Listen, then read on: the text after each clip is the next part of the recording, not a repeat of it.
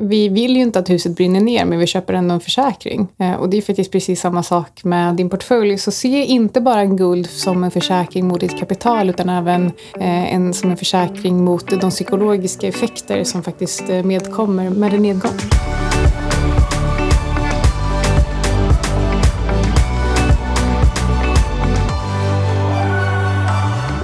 Hej! Du lyssnar på Outsiders med Carl Mikael Syding. Och eh, Anna Svan. Idag ska vi prata om guld och hur man kan skydda sin portfölj. Vi ska också prata om eh, steroider och då pratar jag inte om hemligheterna bakom Mickes superkropp.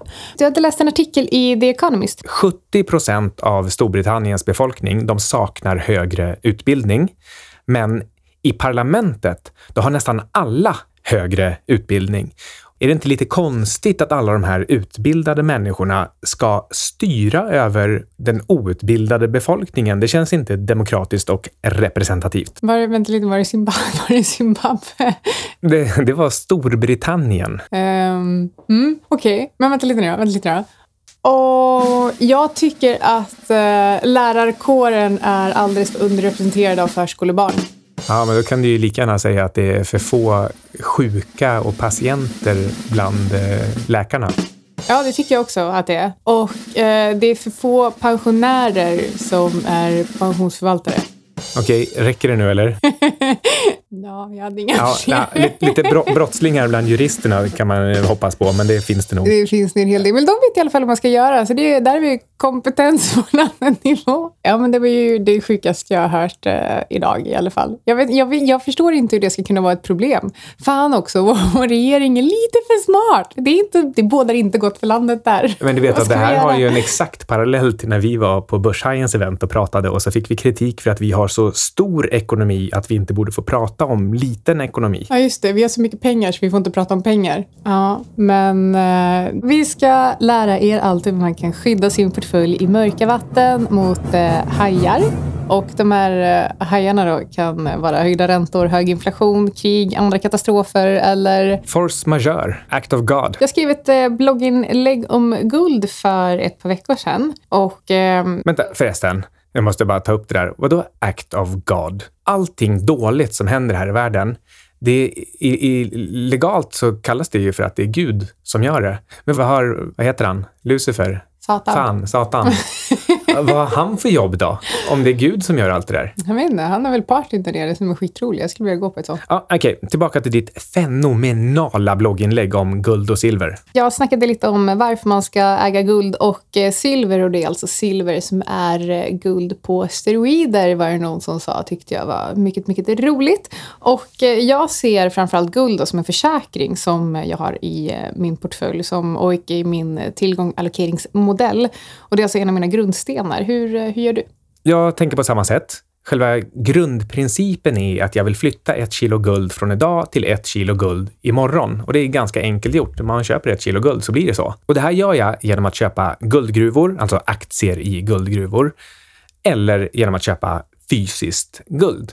Då blir jag ganska säker på att det här eh, kilot guld jag har, det har jag också kvar ett kilo av imorgon. Men då är frågan, hur är det här en finansiell placering? Ja, det är ju inte riktigt en finansiell placering. Till, till, I grund och botten är det en försäkring mot andra problem som kan minska värdet på andra investeringar. Och då tänker ni, okej, okay, men varför kan man inte bara då behålla pengarna på sitt sparkonto eller ta ut dem i cash och lägga dem i madrassen? För vad händer om pengar blir värdelösa på grund av typ inflation? Ja, eller krig.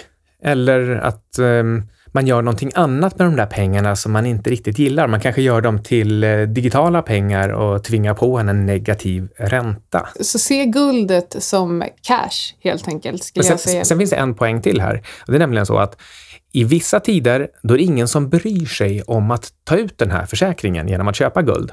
Och i andra tider, just när man behöver den, ja, då vill folk plötsligt eh, ha den här försäkringen. Och mellan då när, när man inte vill ha den och när man vill ha den, då prissätts guld relativt sett annorlunda mot andra saker, alltså mot riktiga saker som till exempel mat, transport och bostad. Mm, och eh, återigen till eh, mitt snack om eh, steroider och eh, silver. Då, för att John Rubino skrev en artikel via Dollar Collapse om silver kontra guld och menar att guld har sett bearish ut men silver mer och mer bullish ut. Men att utsikterna för guld rent tekniskt har, eh, har förbättrats det senaste.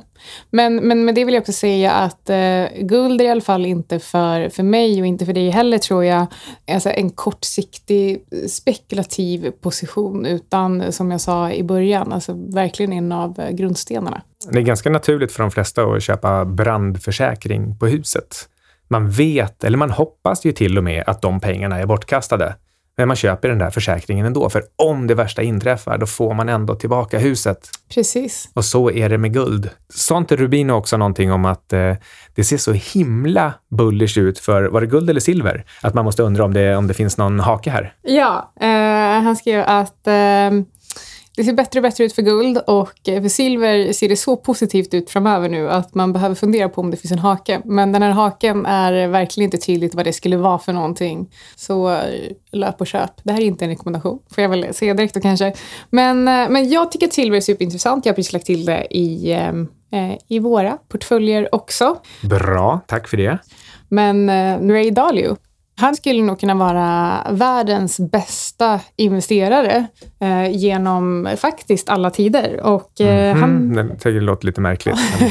men, men eh, Ray Dalio har skapat någonting som kallas för the all weather portfolio. Och eh, den, här, den här är egentligen en statisk fördelning mellan obligationer, aktier, guld och råvaror. Och guld och råvaror har alltid 8 eh, var i portföljen. Så alltså 8% guld och 8% andra råvaror. Hur många som lyssnar på det här har 16% råvaror inklusive guld i sin portfölj? Jag har mer. Do you own gold? Oh, yeah. Uh, I do. Ja, men du pratar i den här podden, du lyssnar inte. Jag lyssnar jättemånga gånger. Men i alla fall, Ray Dalio säger följande. If you don't own gold, you know neither history nor economics. Och eh, det var inte riktigt därför som jag började pilla med min tillgång-allokeringsmodell. Men det var Buffett säger. Säger han att det är råttgift? Eller ja. turds? jag vet inte vad Buffett säger. Han, eh, han är så rolig. Han, han är ju Tinas största anhängare. There is no alternative to stocks. Exakt. Och samtidigt så går han och blir smyglikvid. Med bara 100 miljarder dollar. och sen bara nej, nej, nej, nej, nej. Det är ingen fara i sikte. Ja, det kommer nog gå jättebra framöver. Ah, skitsamma, det är, en, det är en historia i sig. Jag, tycker, jag föredrar Ray Dalio framför eh, Buffett. Jag tycker att Dalio har extremt mycket mer kompetens inom många olika områden inom investeringar än vad Buffett har. Men alla är vi olika. Um, men, men åter till min tillgångsallokering. Jag har faktiskt alltid det den här, för att den här allokerar om varje år i princip. Och eh, det här bygger på en IFL-strategi som bygger på relativ värdering mellan tillgångsslag och eh, syftet är bland annat att minimera drawdown. Och jag har varje år så finns det faktiskt eh, ändå minst 5% guld i portföljen förutom ett år. Och det är när vi har sett en efter att vi har sett en riktig sättning, nu menar jag inte de här, den här lilla februarivolatiliteten utan jag menar eh, alla IT-kraschen eller finanskrisen, när börsen efter det har stigit, är inne på tredje året i rad när den har stigit, då är sannolikheten väldigt, väldigt låg att vi har sett toppen. Och, då, eh, och samtidigt så har man bekräftat, kan man säga, att vi också har sett botten. Ja, men precis. Exakt. Det är också en, det är också en, viktig, en viktig faktor i det hela. Eh, och då ligger faktiskt eh, Eh, Eh, portföljen fullinvesterad i aktier. Hur man väljer ut dem är en eh, helt annan historia. Men då, då, då är jag fullinvesterad i aktier i alla fall. Så guld är alltså en försäkring, inte en kortsiktig spekulativ position. Och eh, jag tyckte du var så himla rolig för att du uttryckte dig som att guld är ett sätt där du kan blanka allt. Mm. Och det kanske är det enda sättet man kan blanka allt på, för allt annat hänger ihop på ett eller annat sätt via skulder. De är, räntor är kopplade till... Det är, alltid, det är alltid någon annan som är skyldig någon någonting och det gäller även eh, fiatpengar, alltså vanliga papperspengar och det du har på kreditkortet. Men guld som tillgång, det förfars inte. Guldatomerna de skapades i en supernova och de är, de är kvar sedan dess. De, de förstörs inte och det görs inga nya här på jorden i alla fall.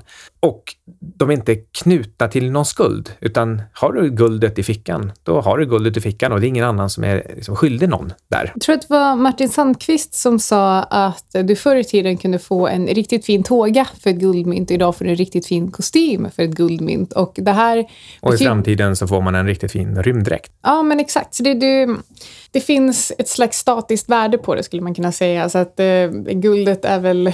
Kan man, kan man säga att guld är immun mot eh, inflation? Ja, det verkar ju vara så. Och, och det hänger ihop med det här att det, det, finns bara en viss mängd guld och det förstörs inte. Och då, då måste liksom guldet kunna representera en viss del av ekonomin. Nu kommer, vi komma, nu kommer det komma TIN-anhängare så kommer ni säga ja, men det är precis det här jag säger. Att eh, varför ska man köpa guld då? För att det finns ju ingen tillväxt där. Guld funkar inte. Nej, säg det till dem i Zimbabwe till exempel, eller Venezuela eller Argentina. Och vad då? Dollarn har ju faktiskt eh, också tappat en ganska stor del av sitt värde, fast mycket långsammare, eller hur? Ja, men det är väl i alla fall 99 procent av eh, värdet som har försvunnit, så att eh, en dollar har blivit värd en cent. Men, men därför är alltså guld en, en, en bra sak att faktiskt ha som en grundsten i, i din portfölj. Och det finns faktiskt en annan sak det, om det här. Återigen till er TIN-anhängare som säger att ja, men när börskraschen kommer, det ska bli så nice, jag ska köpa aktier på rea. Då kanske det är bra om ni har någonting i portföljen som har gått bra när aktierna har gått dåligt, som ni kan sälja då, så att ni kan köpa de här billiga aktierna. Till exempel guld eller silver. Vi har ju faktiskt sagt någon gång förut, eller du har mycket klokt sagt att om man är tidig i sin investeringskarriär, då har man så liten aktieportfölj nu i förhållande till den intjäning man har i framtiden och kanske till och med i förhållande till sin årliga intjäning, att då kommer man ju ha en ordentlig lönemöjlighet att gå in på de här låga priserna. Men har du varit aktiv ganska länge så att du har en, en stor aktieportfölj och din intäkt är ganska liten i förhållande till den, då gynnas du inte av en nedgång. För du, du har ingenting som har gått upp som du kan sälja och du har ingen större lön som du kan gå in med och du har inget guld som eventuellt har hållit emot eller kanske till och med gått upp i osäkra tider. Så vad gör du då? Och eh, nu glömmer du faktiskt det absolut viktigaste. Även om man tidigt i sin investeringskarriär då har, eh, har den större delen av kapitalet framför sig så glömmer vi också den psykologiska effekten av en nedgång som många faktiskt drabbar, drabbas av och därmed slutar investera för att alla deras tillgångar går ner och då ser de, de märker av risken på riktigt och vill därför inte investera igen. Så har du inte haft till exempel en försäkring i din portfölj och alla tillgångar går ner, då kommer du se det som din sanning och så finns det väldigt stor sannolikhet och det är jättemånga många som gjort det här, som slutade investera när de var precis i början av sin karriär, efter IT-bubblan, efter finanskrisen. Och, eh, och det kan faktiskt av, av psykologiska skäl också finnas, eh, finnas användning för den här typen av försäkring i sin portfölj. Just millennials kan faktiskt vara eh, riktigt eh, extra utsatta här födda cirka 80 till 95 eller någonting sånt. Så eh, de, eh, de första i, eh, i den här generationen, de har varit med om båda krascherna.